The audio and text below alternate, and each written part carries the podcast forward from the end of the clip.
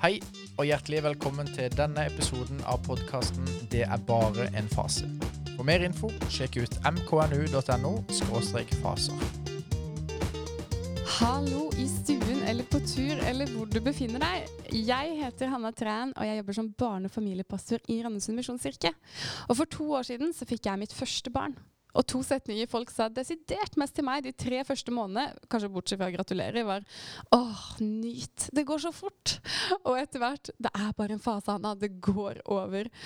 Og folk hadde definitivt rett, for det går både fort, og det meste ser ut til å være en fase som går over. Disse små tassene som vi får, de blir så fort store.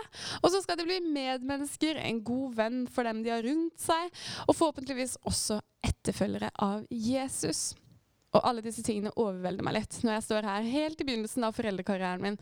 For hvordan i all verden kan jeg bidra på mest mulig måte til det?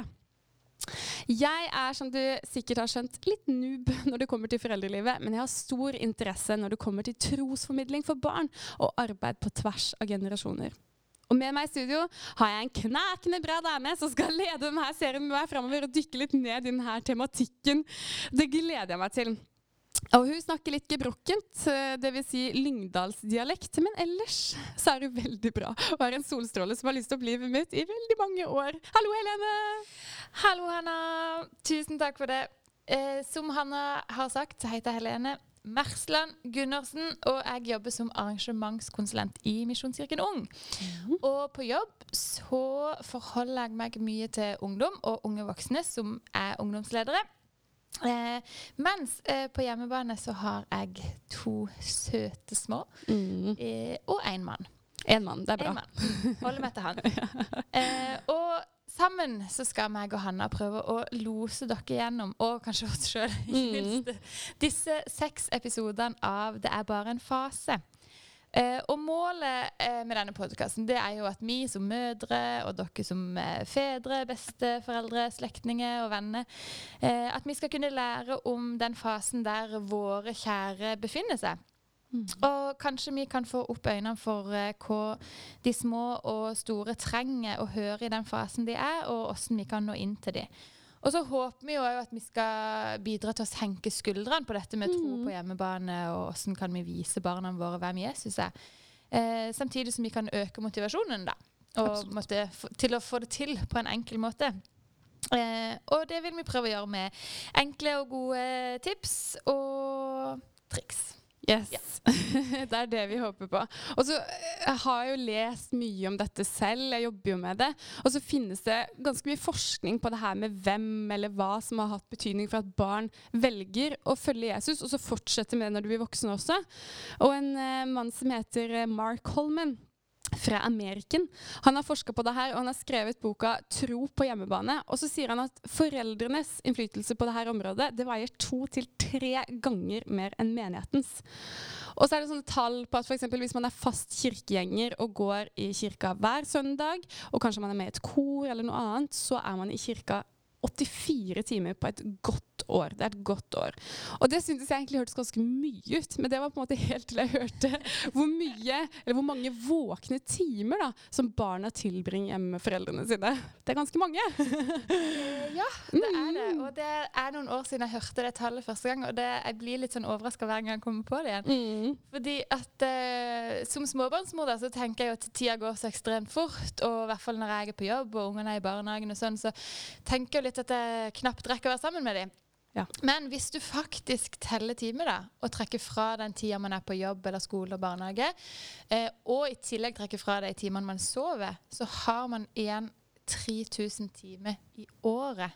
Til å- 3000 versus 84. Til å bare være sammen. Oh. Eh, og det høres jo nesten litt for mye ut igjen, for å være helt ærlig.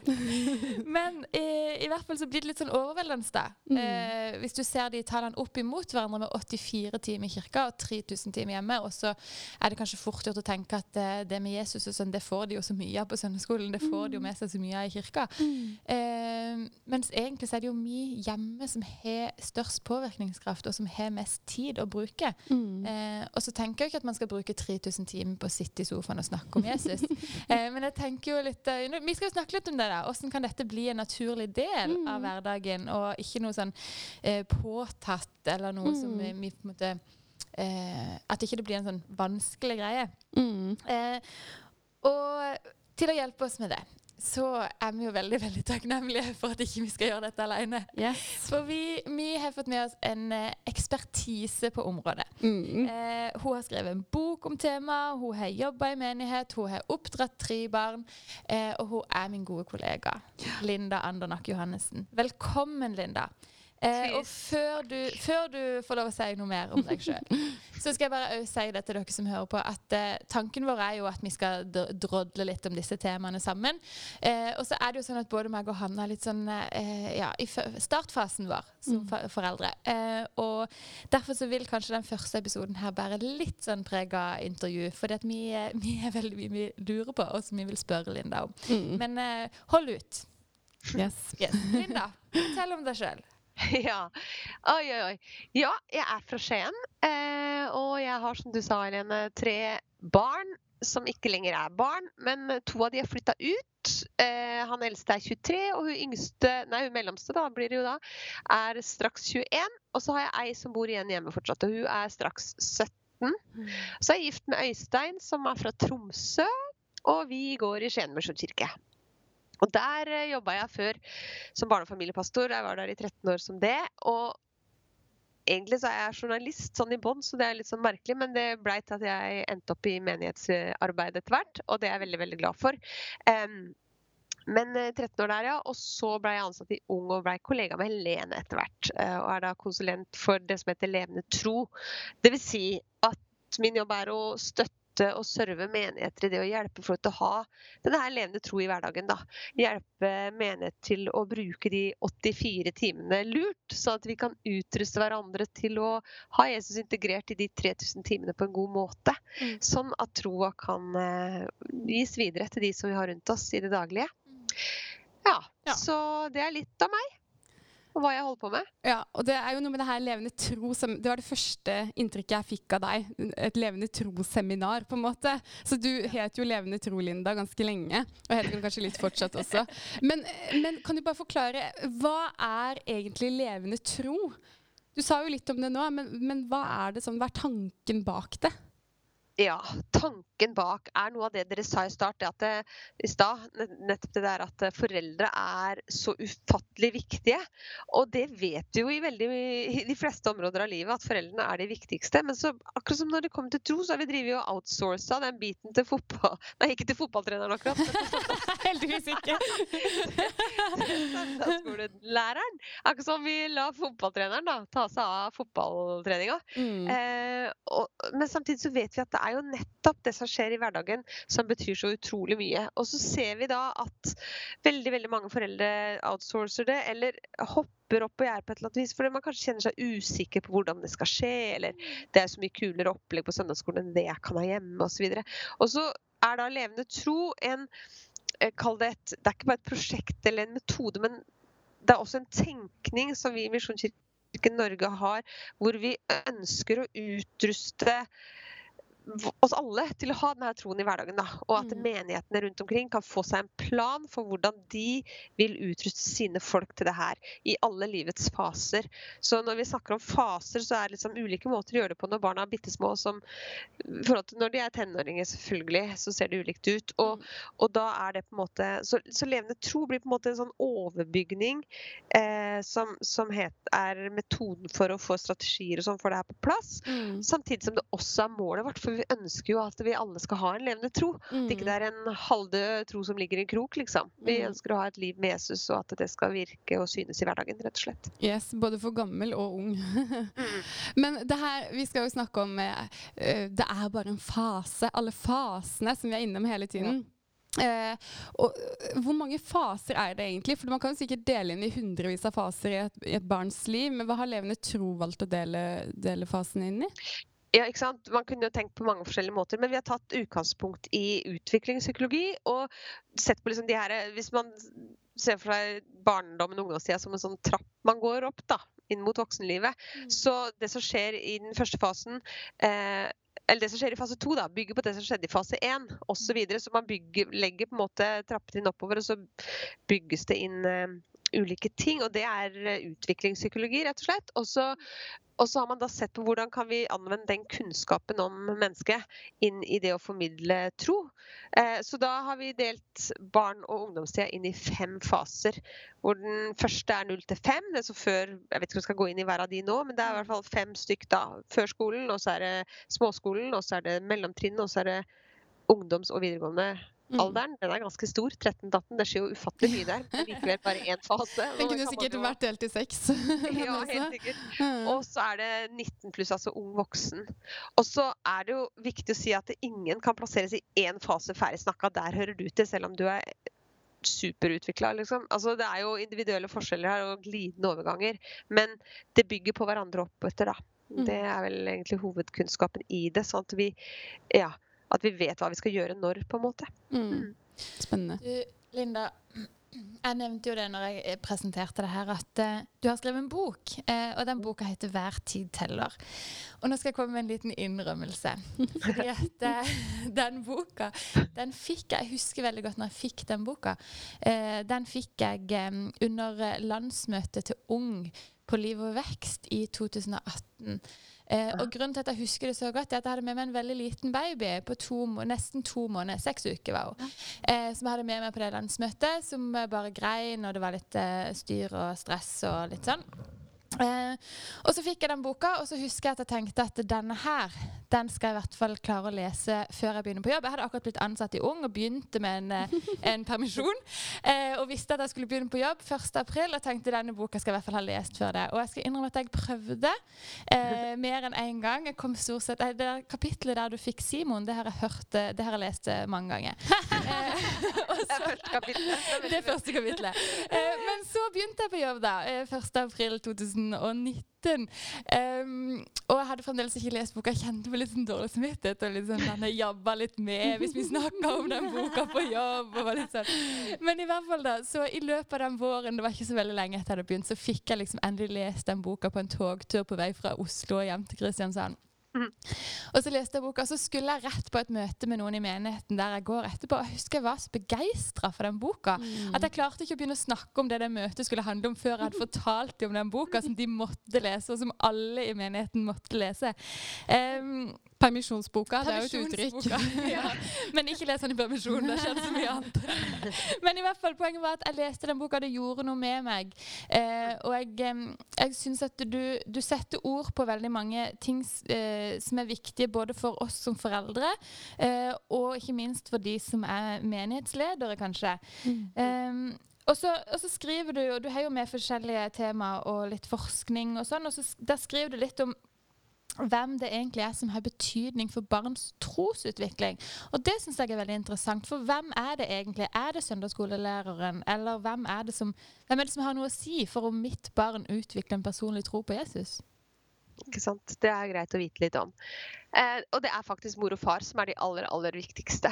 Eh. Besteforeldre kommer også inn der. Hva sa du? Ja, de er fortsatt det i 2020. Ja, de er er fortsatt viktigst i 2020, faktisk. Og ikke bare når de er knøtta små, faktisk, men også når de blir litt eldre. Mm. Og altså gjennom Foreldra våre er viktige gjennom hele livet, egentlig. Mm. Um, men det er klart tider hvor de er mer viktige enn andre, og da er det særlig de aller yngste. De, der er jo mor og far superviktige. Uh, for det er den nærmeste relasjonen, og det vet vi jo i de aller, aller fleste ting i livet, at mor og far er viktig. Men så kommer det, når man vokser til da, og man begynner å bli litt mer stor, så, så vender man seg mer og mer ut til de der ute. eh, Og venner begynner å bli mer og mer viktig ettersom man eh, ja, si sånn 10-12 år, da, tweens-alderen. Ufattelig viktig med venner, og ikke minst i tenåringstida. At man har en gjeng, at man er en del av noe annet enn bare den nære familien. da. Mm. Men selv om en tenåring virker til å gi beng i alt som heter kjernefamilien en periode, så, så er likevel, viser forskning, foreldres uh, innflytelse veldig veldig stor og veldig viktig. Sånn at, at man fortsatt er kobla på, da, selv om man føler seg avvist osv. Det er kjempeviktig. Um, og så må man finne andre måter. Og det er der denne fasetenkningen kommer inn. Da, for hvilken måte bør jeg ha når på en måte, i det bildet her. Mm. Men så spurte du er ikke søndagsskole, eller det er med søndagsskolelæreren f.eks. lederen i barnekirken eller hva enn. Eh, den er ikke uviktig, og det er viktig å si. Det er fortsatt mm. viktig med gode andre voksne. Mm. Gode andre eh, man kan se på og, og, lære av å ha som rollemodeller.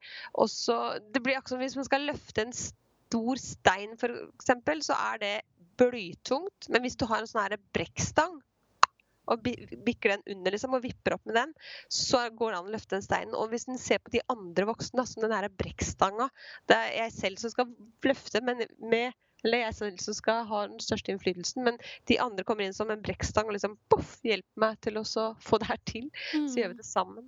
Det er Veldig fint. Veldig bibelsk tankegang, for så vidt. Ja. og det er sikkert noen besteforeldre som hører på. Eh, er de også viktige? Ja, absolutt. Og, og, og, da ser man jo at det her varer også. At det, hvis det er snakk om eh, å formidle tro, da, så hvis det kun varer en periode i livet, så er det jo kanskje bare verdt en periode i livet. Men når man da ser at besteforeldre har levd et langt liv, og de holder fortsatt fast i Jesus, mm. så kan jo det være vitnesbyrd i seg selv. Eh, men man vet jo at periodevis så, så så er besteforeldre lettere kanskje å henvende seg til for mange unge mm. enn mamma og pappa. Og også de andre voksne lettere å henvende seg til de andre voksne periode enn mamma og pappa. Så besteforeldre, alle, alle de nære er jo viktige. Mm. Men hvis vi skal rangere på et vis, da, så, så er det som mamma og pappa og besteforeldre liksom mm. i den rekkefølga. Så eh, som foreldre, da, så, så kan man eh, gjøre et lurt investeringsarbeid hvis man eh, velger gode voksne til sine barn, som ikke bare er seg sjøl? Absolutt. Mm. Ja. Å ha en bevissthet rundt det. Mm. Eh, og legge til rette for at eh, barna blir kjent med gode andre. Mm. Det er både jevnaldringer, men òg andre voksne. Så sies det at hvis ung, et ungt menneske er kjent av tre til fem andre voksne enn sine egne i kirka. Um, og ikke bare sånn at ja, du er vel fra Skien et eller annet sted, type, er ikke du dattera til Ikke sånn type kjent av, men kjent av. Ordentlig. Ja. På personlig nivå. Uh, tre til fem andre sånne, så er sjansen for at de forblir i kirken eller hos Jesus, da, um, så mye større mm. enn om de ikke hadde hatt det. Så ja, for det, det, skal jo ikke så mye til å bare lære seg noe med et barn. F.eks. hva heter du? Hvor mm. gammel er du? Hva liker du å gjøre? Ikke sant? Ja. Mm. Hva er du opptatt av for ja. tida? Hva, når kjenner du at du er flink til noe? Mm. Ja, ikke sant? Mm. Der har vi en jobb å gjøre, alle som er voksne rundt barn. Mm. Eh, Linda, jeg husker fra det første Levende tro-seminaret jeg var på med deg i 2016, så sa du 'It takes a village' mange ganger. Og så jeg, har jeg tenkt på ettertid at det var jo egentlig et ganske godt begrep. For du har gjort 'It takes a village to raise a child' om til ditt eget begrep. Eh, hva er det du, er det du har gjort der? Ja, for det, det, første 'It takes a village' er jo et kjent gammelt afrikansk ordtak, hvis ikke det er feil. Mm. Men den kristne varianten av det da, er 'It takes a church to disciple a young', har jeg mm. tenkt. Eh, og det er jo nettopp det at vi trenger hverandre og være brekkstanger inn i hverandres liv på et vis. da. Mm. Um, og jeg tror egentlig at det er en av grunnene til menighet. Når jeg tenker på det, så er jeg mer og mer blitt sikker på det. At eh, Jesus visste at det her blir for stort prosjekt å gjøre alene. De trenger hverandre. Vi mm. må ha en kirke. Ja. og så danna han menigheten og, og, bygde liksom sin kirke da på Starta med Peter, og så gikk det derfra. Og så og så beskrives det her, tror jeg, bl.a. i Efeserbrevet 3, hvor Paulus skriver om at sammen med alle de hellige så kan vi bli i stand til å fatte så mye mer enn bare en sånn endimensjonal greie. For han skriver vi kan mm. fatte høyden og bredden og lengden og dybden og fatte hele Kristi kjærlighet. Mm. Og det, hvis de, mine barn bare skulle liksom sett på min måte å være kristen på, så blir jo det rimelig håper kjedelig og, og veldig endimensjonalt. Og det er ikke sikkert det er full match med dem, for de er Mm. annerledes enn meg. Og, og det at de da har andre rollemodeller i livet sitt, at de kan se andre, Mm. eh, så er det med på å skape et mye mye større bilde. Så Mm. viser vi på en måte hver vår lille flik av hvem Gud er, og så blir bildet en nydelig mosaikk. Ja, absolutt. Og så tenker jeg det er en, en kjempefin utfordring til de som er e- egentlig alle aldersgrupper. De som nettopp har fått barn, eller de som er besteforeldre, de, de som kanskje ikke har barn i det hele tatt. At det Mm. her med at vi er sammen om dette. Det er ikke bare foreldrene sin oppgave eller søndagsskolelæreren, men det er hele, Ja. Én pluss én blir liksom mer enn to, da. Ja, Mm. Ja. det er veldig fint. Nå snakker vi jo mye om dette med at vi, eh, vi, tre at vi trenger hverandre. Eh, Mm. og da tenker jeg vi trenger jo hverandre som, som gode forbilder òg. Mm. Eh, Ja. Og så husker jeg veldig godt at jeg eh, i høst eh, var på et seminar med deg, Linda, og så prøvde jeg å ha på meg mamma- mammahatten, og ikke bare kollegahatten. eh, og der fortalte du om eh, når, du, eh, når du skulle på en måte prøve å eh, lage en sånn rytme for dine barn da, og for din familie. Eh, og der du tenkte at du skulle be velsignelsen for dine barn på vei ut døra når de skulle gå til skolen på morgenen. Eh, og så husker jeg at du sjøl satte ord på det med at eh, du syntes det var så ekstremt kleint. Eh, og det var ikke liksom sånn, Du sa ikke 'Å, det var så fint, det var så lett, jeg fikk det til'. Det var liksom null stress. Det var liksom ikke sånn du fortalte det, men du fortalte det som om det var liksom eh, Ja, det var kleint og litt sånn ubehagelig, og, og eh, ikke bare rosenrødt. da. Eh, Og da hadde jeg allerede kutta ned den korte varianten.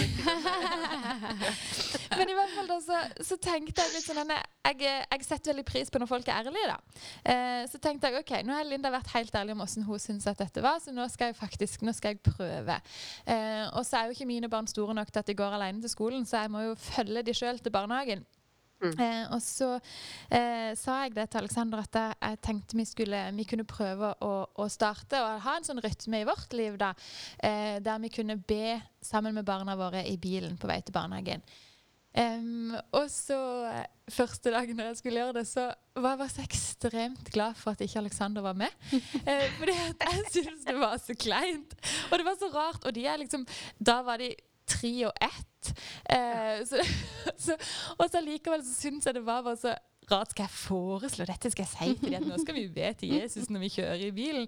Eh, og, så, og så gjorde jeg det likevel, da, selv om det var veldig veldig kleint. Og så ble jeg litt stolt av meg sjøl for at jeg hadde gjort det. Lo de av deg? Eh, eh, nei, det gjorde jeg ikke. Men akkurat som Frida syntes det virka som hun syntes det var litt rart, men hun var veldig med da. Vi tok en hermebønn, og det var, liksom, det var greit for henne. Um, og så i hvert fall så var det jo litt kleint andre dagen òg, og sånn. Og så etter hvert så Jeg bare bestemte meg for at vi skulle gjøre det likevel.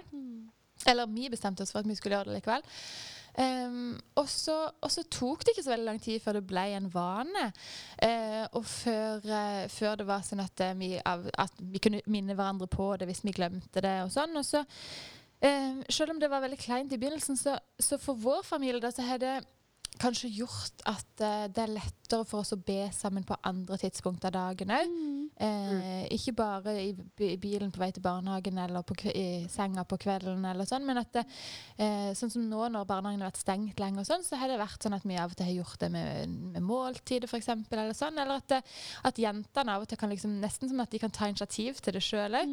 Eh, og det er jo eh, ikke akkurat eh, eh, perfekt i vår familie i det hele tatt, men jeg, jeg tenker at jeg tror ikke jeg hadde tørt å, å, å prøve det hvis ikke, hvis ikke du hadde vært så ærlig på at det var kleint, Linda. Em, og så har jeg tenkt på det hvorfor, hvorfor er det egentlig kleint? Eh, For det kan være skikkelig kleint. det er skikkelig kleint Ja. mm. Og det, Mm. det kan jeg synes at det kan være å be høyt med andre voksne òg. Man føler seg veldig liten, og så har man ikke så lyst til å bruke liksom, ord. Så, å, ja, Det er så sårbart. ja, og Mm. sånn ubehagelig. Mm. Um, Hvorfor eh, hvorfor er det sånn, og eh, hva kan vi gjøre med det? Det er veldig rart at det er sånn. Altså, men som du sier, det er også sammen med andre voksne kan det være sånn. Og jeg, jeg lurer på om det er noe at når vi ber, så er vi liksom så da er vi jo på en måte på kjerna i oss selv på et vis. da, Bare legger Mm. hjertet vårt litt åpent og er innenfor Gud. Og om det er det som gjør at det blir en sånn der, veldig sårbar situasjon, da, så kan man selvfølgelig ta på seg en eller annen maske og be en eller annen frase og være veldig tøff i trynet. Men hvis man skal være ærlig og, og be med hjertet, som jo er selvfølgelig det vi ønsker, så, så blir det kanskje litt sånn hvis man er litt utrygg eh, på den andre. Eh, også, ikke at du var utrygg på barna dine, eller at jeg var det den gangen, men, men fordi det var en ny situasjon, så kan man kjenne på en sånn utrygghet. Eh, kanskje. Eh, om det er en greie eh, For meg den gangen så jeg lurer på var det for, altså Simon jo, han var jo vant til at jeg hadde bedt med han ved sengekanten i alle de her åra. Han var tolv år på det tidspunktet der. Og så, men allikevel så var det liksom noe nytt da, som skulle skje. Eh, men jeg er veldig glad jeg holdt i det, og sånn som deg òg, da. At du opplevde at hvis du bare fortsatte å, å trosse den kleinheten, da, så kommer man på en måte igjennom, og så blir det greit. Og jeg tror at det er noe av clouet her. At vi bare rett og slett holder ut i den delen av komfortsona som ikke er til stede, holdt jeg på å si. Når den ikke er der, når du er utafor din egen komfortsone, at du, så kommer man hjem, og så blir det greit. Mm. Det er jo det som er. Eh, så blir det en vane. Eh, og så tenker jeg, Hvis du hadde gjort det én gang, så er det bare blitt en dum opplevelse. Men hvis man gjør det flere ganger, så blir det en vane. Akkurat som vi går opp en sti, ser jeg for meg, gjennom et landskap. Og så, når vi går en gang, så er det vanskelig, men når vi har gått der flere ganger, så, så er det lett å gå der. Eh, og gjennom det da, så kan vi vende oss til å vende oss til Gud. At det blir en vane. Og gjennom det kan vi vende barna våre til å vende seg til Gud, fordi vi lager en vane. Ja, det er veldig bra. Og det er noe med det at eh, alle vaner er jo som en muskel som må trenes og holdes ved Mm. like, på en måte. Det, vi vet jo hvordan det er å begynne å trene, og så slutter man ganske fort igjen. Eh, snakker om en venn. Um, men uh, En snakker om? Jeg tror jeg er samme vennen. Um, men, um, men det er jo noe med det her at vi, vi blir jo på en måte det vi gjør. Uh, og, og Linda, hvordan er det med de her vanene og rutinene i hverdagen? Har du noen gode tips der? Ja, jeg tror jo på det der å finne ut av hvilke vaner vil jeg ha, da.